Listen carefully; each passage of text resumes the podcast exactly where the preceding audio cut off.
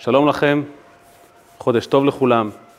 היום נדבר על אחד התפקידים הקשים במאה ה-21, להיות אבא. כן, להיות אבא. אנחנו חיים בדור שכולם רוצים להיות אימא. אהבה ורקות וליטוף, וזה נכון, זה באמת מצרך חשוב מאוד. אבל מה זה בעצם אומר להיות אבא? מה ההבדלים בין אבא לאימא? מהם דרישות התפקיד ואיך עושים את זה בצורה הטובה ביותר שאפשר? וכמובן, איך כל זה קשור ליציאת מצרים ולחג הפסח.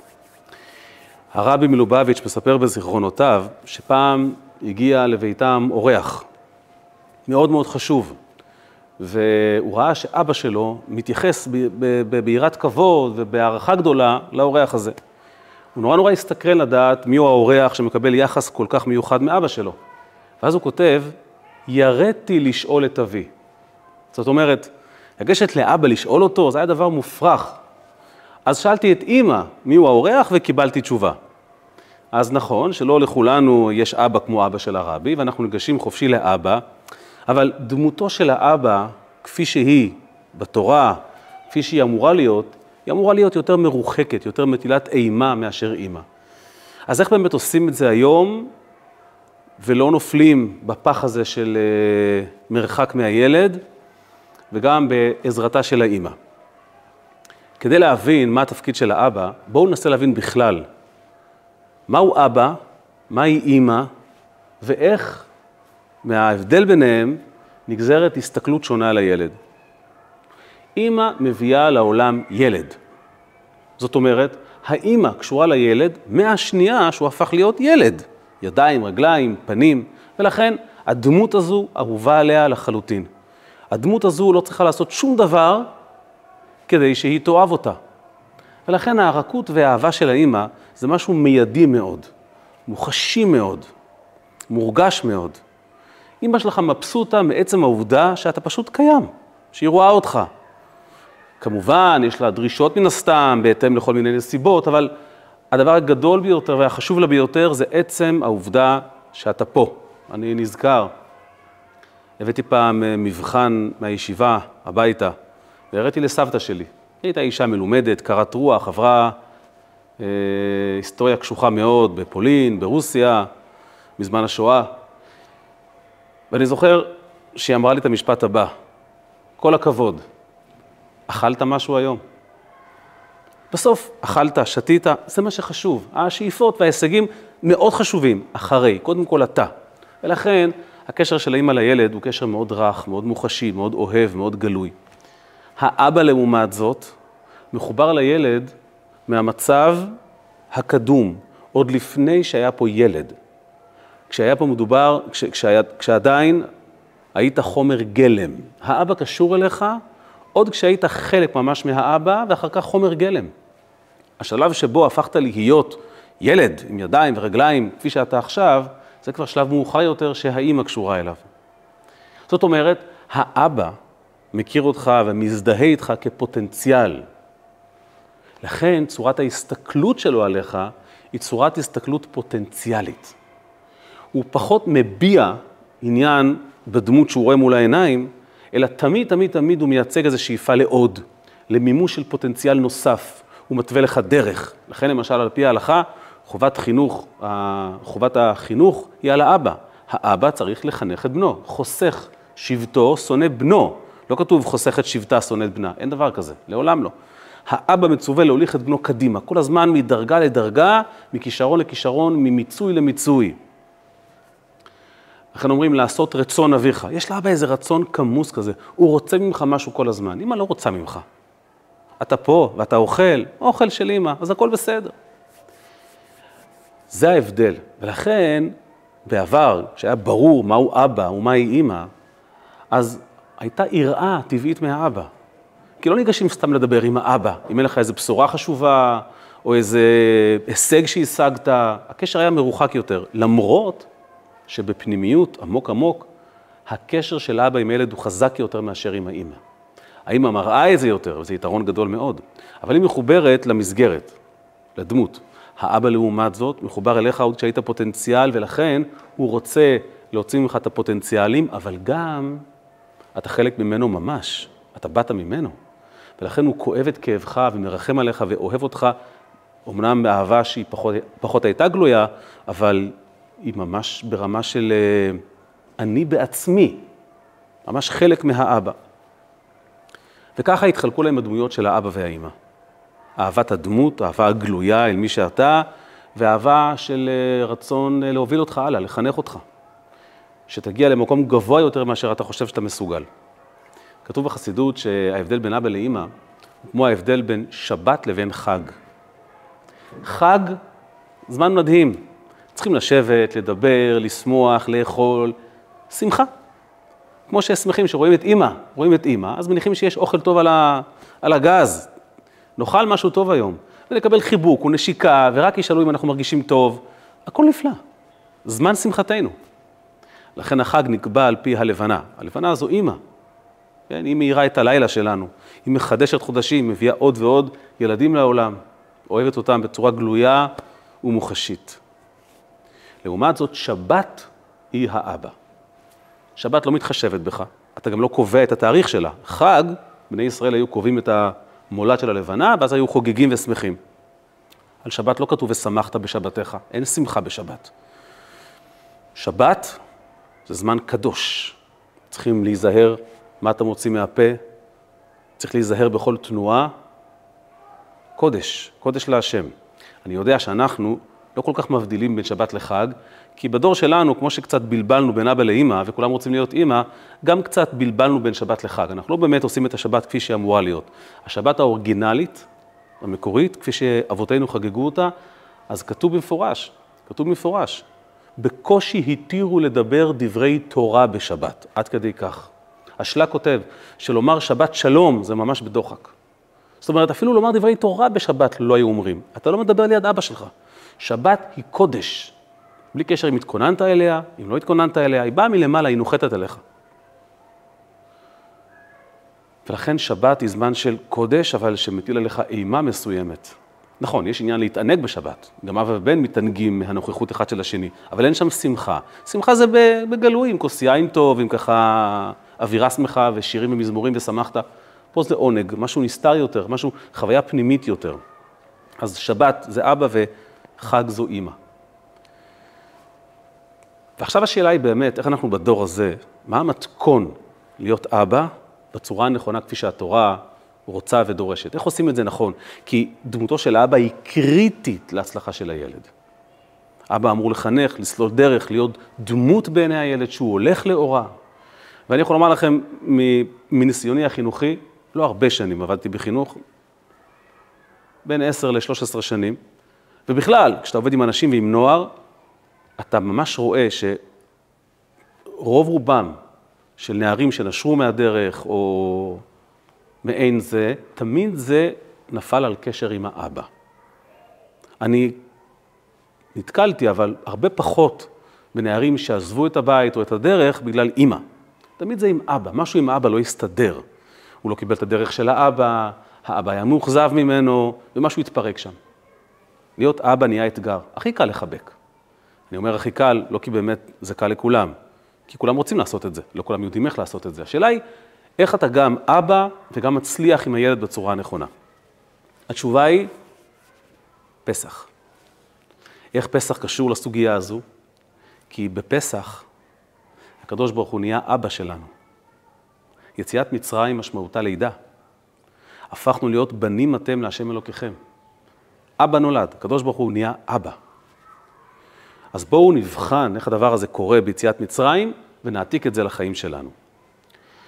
עם ישראל מראש הגיע למצרים בגלל השאיפה להתקרב לקדוש ברוך הוא, ואני אסביר. אברהם אבינו הגיע להכרה שיש אלוקים, ועבד אותו בכל ליבו, בכל נפשו, יצחק ויעקב, וכמה שהם עבדו אותו, הכמיהה שלהם הייתה שהקדוש ברוך הוא ייצור קשר מצידו. כי אברהם, יצחק ויעקב עבדו מצידם. הם חתרו להגיע לקשר עם הקדוש ברוך הוא, שזה נפלא, לא הייתה אז דרך אחרת, אבל בסוף הם נבראים. ונברא, יש גבול, יש תקרת זכוכית עד היכן הוא יכול להעפיל. השאיפה שלהם הייתה, מתי אלוקים יציע לי קשר? מתי הוא ירד אליי? כי הוא בלתי מוגבל. כשהוא יעשה את זה, הקשר יהיה אמיתי. כשאני אטפס אליו, תמיד בסוף זה יהיה שתי ישויות, אני והוא. הדרך היחידה לחבר בינינו זה שהוא מגדיר ההגדרות, ירד אליי ויחליט שאנחנו דבר אחד. הקדוש ברוך הוא הסכים. זו הסיבה שהוא כרת ברית עם אברהם ואמר לו, גר יהיה זרעך בארץ מצרים ועבדום ועינו אותם. למה? אמר הקדוש ברוך הוא, אני מוכן לרדת, אני מוכן ליצור קשר, אני מוכן להיות אבא, אבל זה כרוך בכך שקודם כל הם יהיו במצרים בשעבוד. מדוע? כי לפני שילד נולד, אין ילד. אדם הולך ברחוב, הוא אבא פוטנציאלי, הכל פתוח. אתה לא יודע מי ייוולד שם, אתה לא יכול לדעת.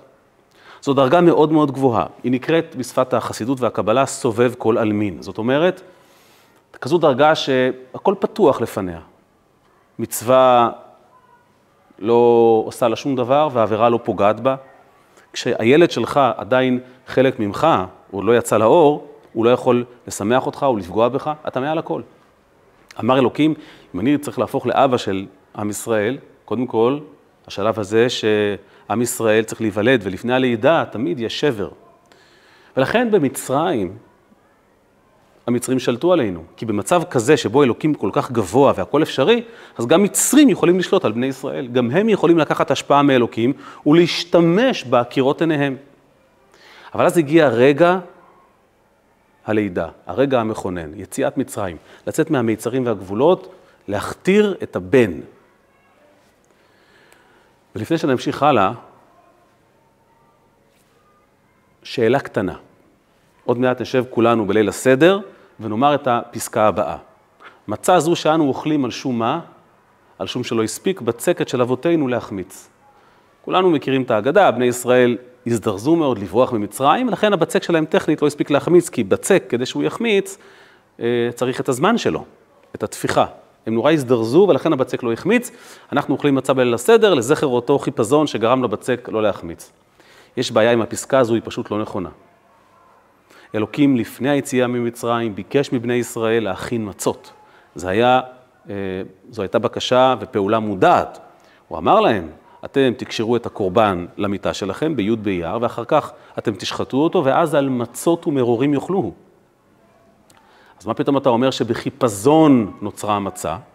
בחיפזון לא נוצרה המצה, היא נוצרה במודע.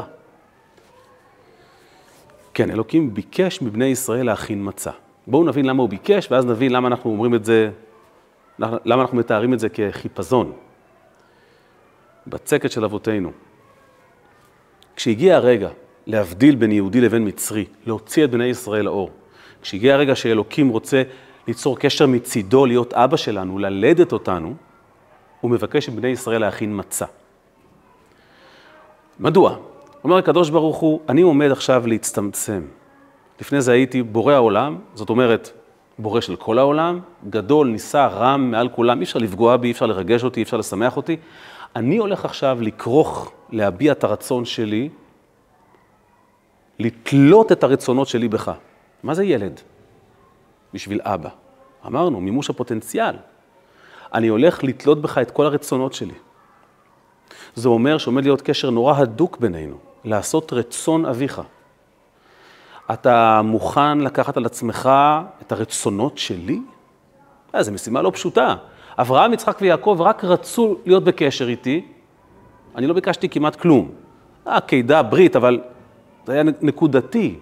אתם רוצים שאני אהיה אבא שלכם? זה אומר שכל הרצונות שלי יתלו בכם. אתם תהיו אלה שמספקים לי את הרצון. אתם מוכנים? תכינו מצה. מהי מצה? אומרת הגמרא במסכת סנהדרין, אין התינוק יודע לקרוא אבא עד שיטעם טעם דגן. מה זאת אומרת? האדם הראשון בגן עדן הכיר את הקדוש ברוך הוא אחרי שהוא אכל מעץ הדת. עץ הדת היה חיטה. הקשר בין אבא לבן, כמו שאמרנו קודם, הוא קשר מאוד אה, מופשט. כי אימא, אני יודע שבאתי ממנה, גם אפשר לראות שבאתי ממנה. הקשר עם האבא זה הרי פוטנציאל שהתממש. אי אפשר לראות את הקשר באופן ישיר אם לא עושים בדיקת DNA. אומר הקדוש ברוך הוא, תקשיבו, אני רוצה לרדת ולהיות אבא שלכם, לקשור את הרצון שלי בכם. אם לא תעשו פעולה כדי לקבל את זה, זה לא יקרה. לא מספיק שאני ארד. כשתינוק תואם טעם דגן, משהו בנפש מתפתח אצלו, להכיר, לא במובן של לדעת מי זה אבא שלו רק, אלא להתחבר אליו, להתקשר אליו נפשית. זה לא אומר שהוא מבין מה זה אבא, כי הוא תינוק, אבל הקשר מתחיל לבוא לידי ביטוי. צריך איזו התפתחות נפשית, אינטלקטואלית, עדיין כשהוא תינוק, כדי שזה יקרה. הוא צריך להפנים משהו. אומר הקדוש ברוך הוא, הקשר בינינו עומד להיות קשר שהוא למעלה מטעם ודעת. אתה היית פעם חלק ממני, אני היום ילידיתיך.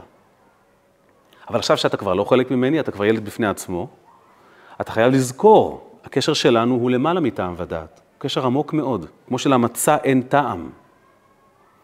אתה צריך להפנים את זה, אתה צריך להבין את זה. אבל שימו לב טוב, חיטה בגימטריה זה 22. לכן התורה נקראת בשם לחם, מה שכתוב ותורתך בתוך מאי, או לכו לחמו בלחמי. זאת אומרת, כאן אנחנו מגיעים למשימה הראשונה של האבא, שלנו, בדור שלנו.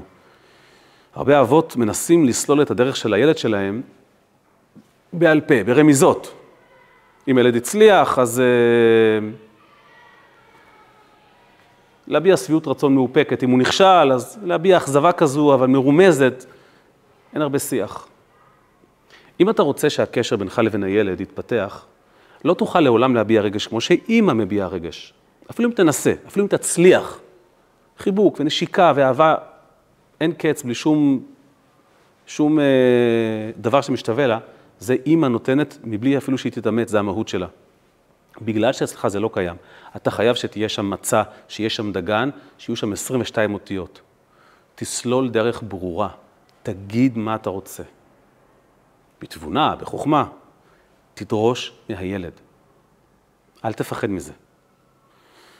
זאת אומרת, הרבה הורים מפחדים בדור שלנו לדרוש מהילד, כי, כי אז מה יקרה? אולי הוא יישבר. ילד רוצה שידרשו ממנו.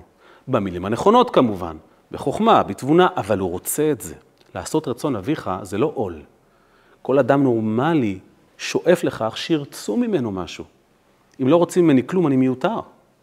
אבא שלך הוא זה שעושה לך חשק לקום בבוקר, כי הוא רוצה ממך משהו מעבר למה שאתה עכשיו. האהבה של האמא היא חשובה מאוד, ועוד נראה בהמשך כמה היא חשובה, אבל האבא תפקידו, המקורי לפחות היה, לא להסתפק בקיים, לרצות עוד, וילד רוצה את זה, כל בן אדם רוצה את זה. אבל תאמר מה אתה רוצה, תסלול דרך, תכתיב אותה, שהילד יוכל לאכול אותה, להפנים אותה. ואתה לא תמיד צריך לנמק, כי זה חשוב לי, זה גם נימוק טוב. מאוד חשוב לי שתעשה את זה. אני יודע שזה יהיה טוב לך בעתיד. אתה תודה לי.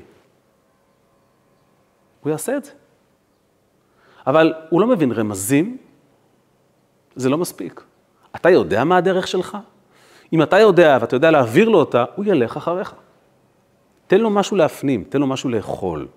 הקדוש ברוך הוא אומר, אתם עומדים להיות הבנים שלי, תכינו מצה. המצה מסמלת מצד אחד למעלה מטעם ודעת, אין בה טעם אבא תסביר לי, תנמק. אם תנמק אני אעשה. זה לא קשר של אבא ובן, זה מורה ותלמיד. מצד שני אבל, תגיד מה הדרך שלנו. ולכן המצה היא זו שהבדילה בין המצרי לבין היהודי. כי המצרי מוכן לקחת מבורא עולם, הוא לקח ממנו כל זמן השיעבוד כוחות לשעבד היהודי. הוא לא מוכן שאת הרצון האלוקי, הקדוש ברוך הוא יתלה בו. אתה, אני לא מבין, אתה אלוקים כל יכול, אני צריך לממש לך את הרצון, תעשה לבד מה שאתה רוצה.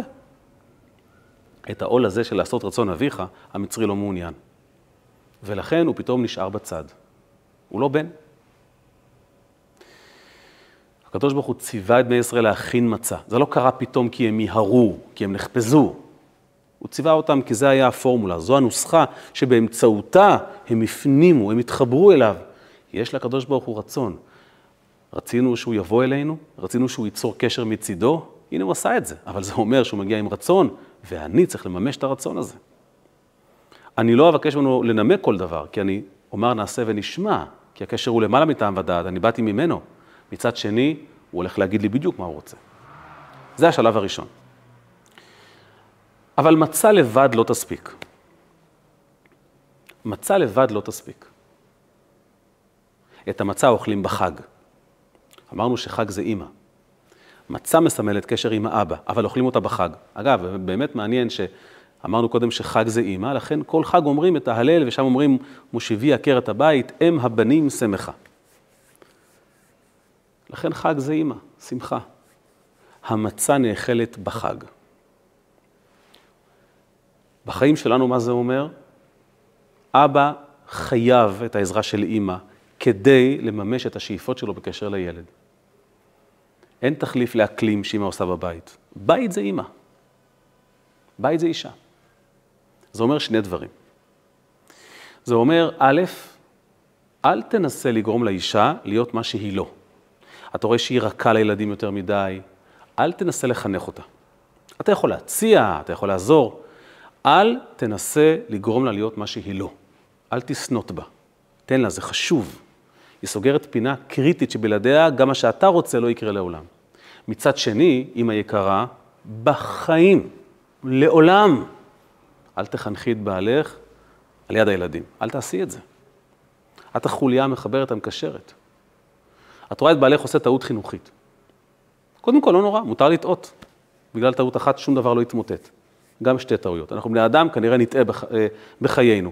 אבל הטעות הגדולה ביותר היא לומר בפני הילדים, תפסיק עם השטויות שלך, מה אתה עושה? הילד לא יסלח לך כל החיים על הזלזול באבא שלו.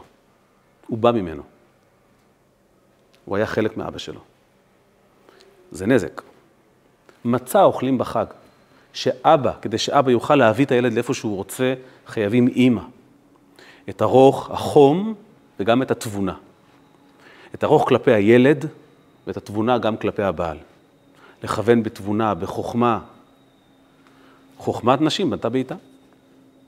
ולכן, עם ישראל במדבר, במצרים, כשהם יצאו ממצרים, הם הכינו מצה, כמו שהקדוש ברוך הוא ציווה אותם, והם חגגו יום אחד בלבד, את יום היציאה. לא היה להם שבעת ימי חג.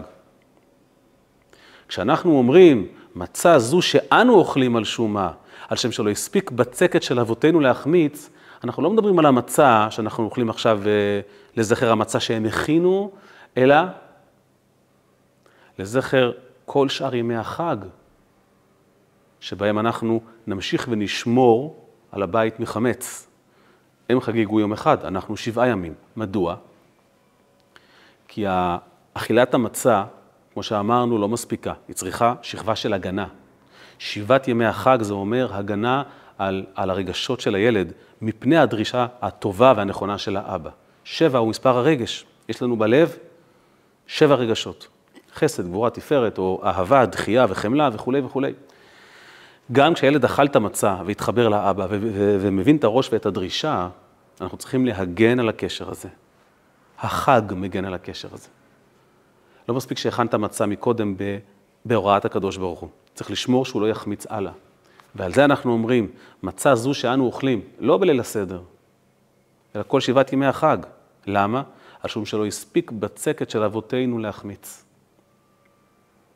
זה לא המצה שהם הכינו, אלא גם, הל, גם הלאה, הבצק שלהם לא החמיץ. כי הקשר היה טוב מאוד ונכון ובנוי. היה שם את משה רבינו ואהרון הכהן, שעזרו להם עם, ה, עם הקשר הזה.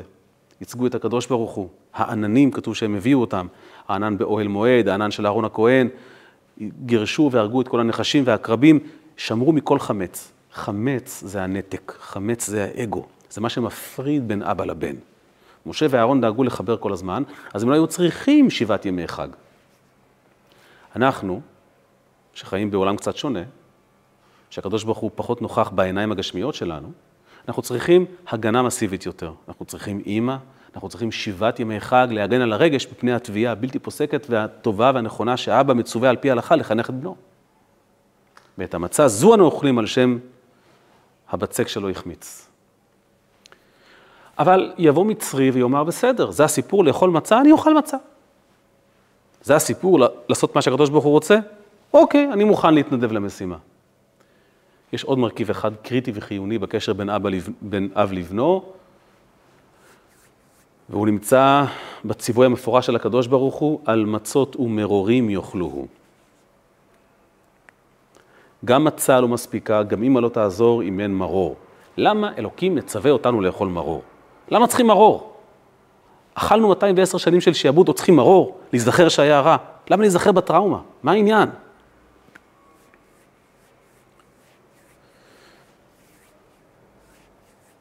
המרור הוא קריטי. מה קורה כשהילד לא מציית לך, אבא יקר? מה קורה כשהוא מתחצף אליך? מה קורה שנדמה לך שהוא פתאום לא הולך בדרך שרצית בדיוק? מה אז קורה?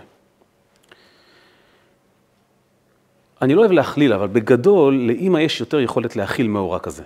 בגלל שאימא, הרי תמיד הילד הוא מרכז עולמה, אז כמו שהיא יודעת לומר לאבא, משהו לא טוב עובר עליו היום, בלי שאין שום סימן נראה לעין, כן? או כמו שאימא יודעת לפענח מה תינוק רוצה כשהוא בוכה. איך היא יודעת? היא רואה את התמונה המלאה.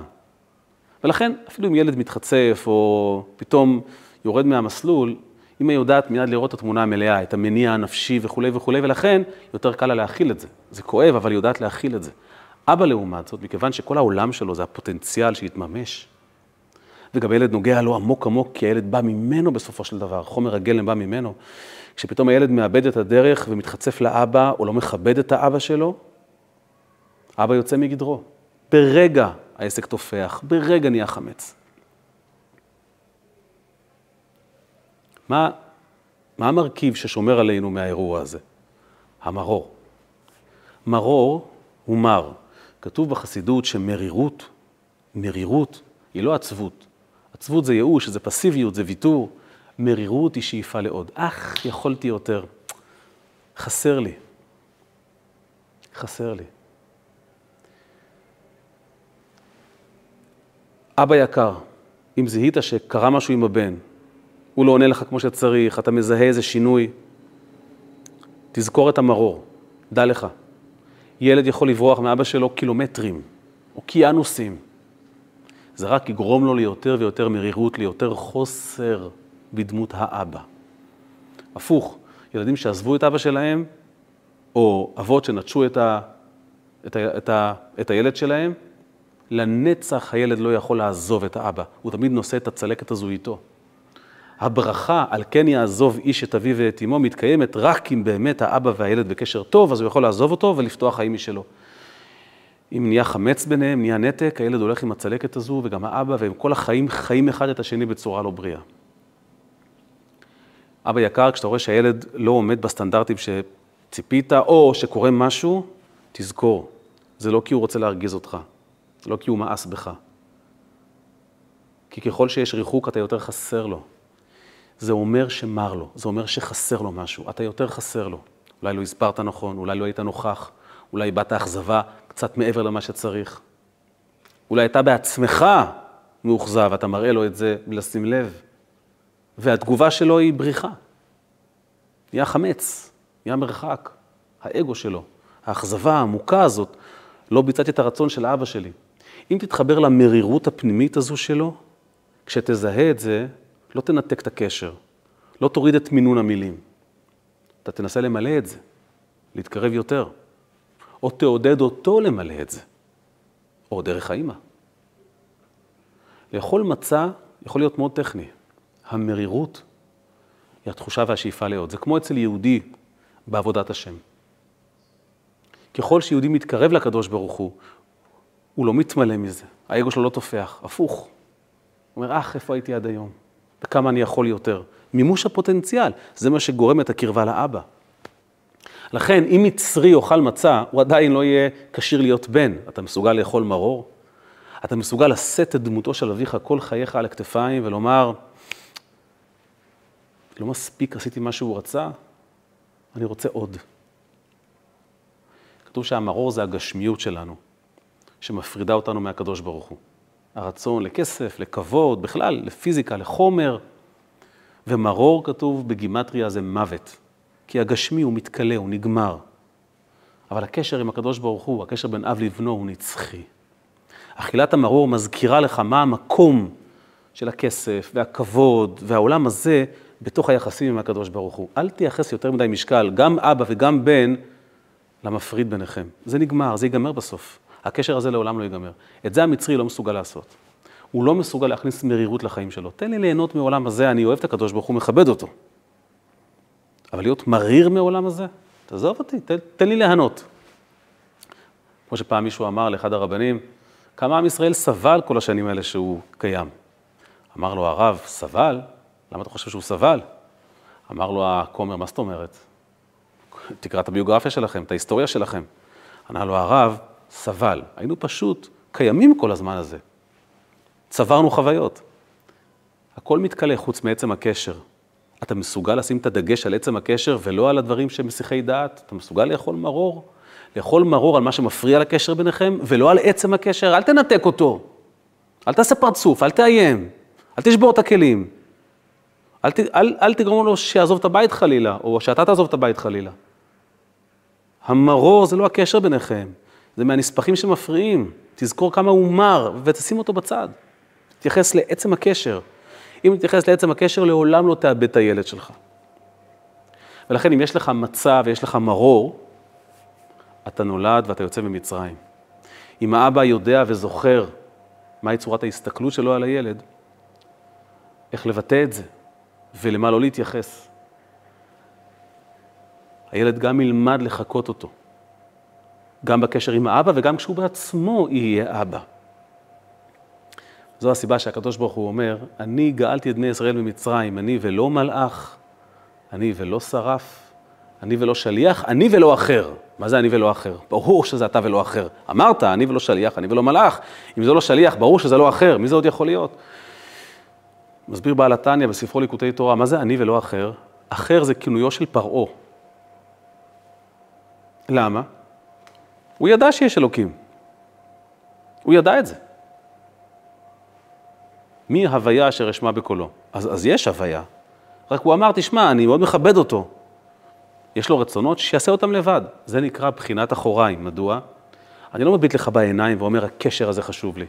לא, תן לי כוח, אני אעשה בו שימוש כראות עיניי. זה נקרא להפנות עורף לקדוש ברוך הוא. תביא, תביא, תביא עוד. אני כבר אעשה עם זה מה שאני חושב. לכן קראו לו פרעה, כי הוא הפנה עורף לקדוש ברוך הוא. הקדוש ברוך הוא היה מאחוריו. יש לו את החיים שלו לקדוש ברוך הוא, ויש לי את החיים שלי. אומר הקדוש ברוך הוא, אני, אתם רוצים קשר איתי? יש נברא שרוצה קשר איתי, אז שידע, זה אני ולא מלאך. אני ולא שרף. אם אני יוצר קשר, זה אני בעצמי. ואני לא מחפש קשר עם אחר, עם מי שלוקח אותי בתור תחביב. בתור אלוקים שנותן, ואני לוקח חיים וכסף, אני כבר אעשה עם זה משהו טוב. לא, לא, לא, לא. אתה לוקח אותי, אתה מפנים אותי. אנחנו נהיים דבר אחד, אתה לוקח אחריות עליי כמו שאני לוקח אחריות עליך. אתה הולך לבצע את הרצון שלי, יש לי רצון ממך, אתה תעשה את זה. זה הכוונה, אני ולא מלאך, אני ולא שליח, אני ולא אחר. זו המשמעות של להיות אבא. ואם עושים את זה בצורה הנכונה, יוצאים מהמיצרים ומהגבולות שכל כך מפריעים לנו ב... ביום-יום. לכן כתוב שפסח הוא כנגד אברהם אבינו, האבא הראשון של עם ישראל. האבא שהתחיל את כל התהליך. הנקודה הראשונה הפוטנציאלית, וזו הסיבה שכל ליל הסדר בנוי על והיגדת לבנך. שבן מספר ל... ש... סליחה, שאבא מספר לבן או לבת, האבא מדבר.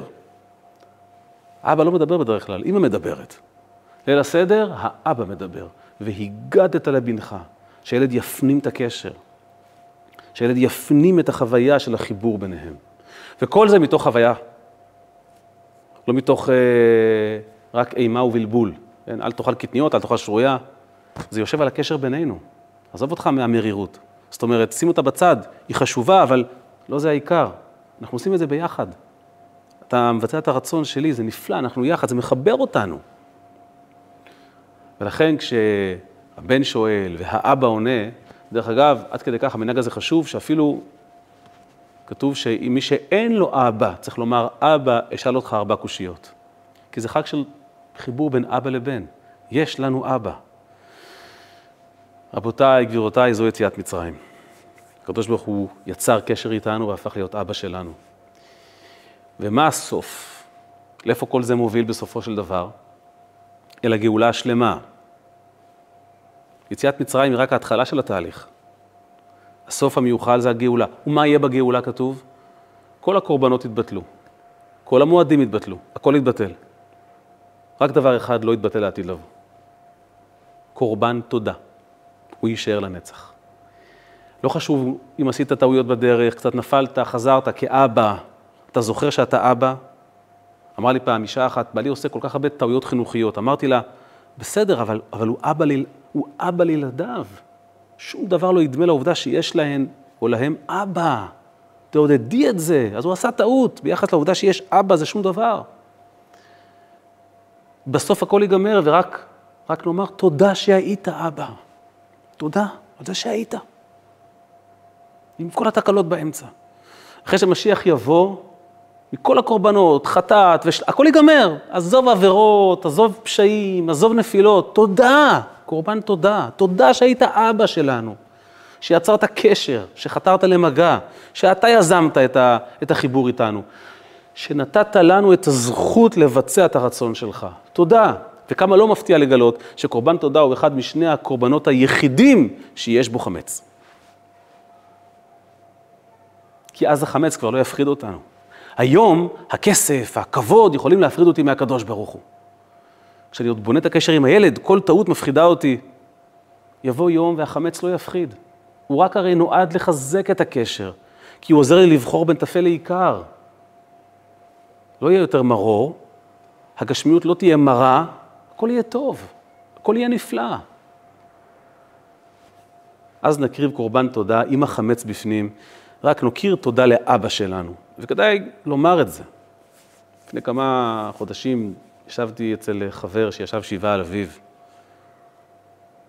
ואתה שומע את זה הרבה מאנשים שהשם ישמור, לא על אף אחד מישראל, שמאבד את הוריו בגיל צעיר, ואז הוא אומר, תדברו עם ההורים, תגידו להם תודה עכשיו.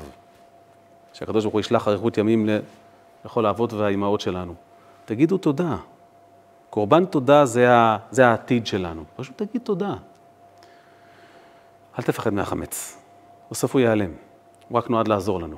הוא רק מטפיח את הקשר, אם יודעים לשים אותו במקום הנכון. שהקדוש ברוך הוא יעזור, שבחג הפסח הקרוב נצא כולנו לחירות בזכות אבא גדול שיש לנו, שתולה בנו את כל תקוותיו. והוא כל הזמן, והגעת לבנך, הוא חוזר ואומר, יש לך שאלה, בן יקר, תשאל אותי, אני אתן לך בסוף את כל התשובות. אפילו אם לא הבנת, תלך בעקבותיי, כי אני עושה סדר בדברים.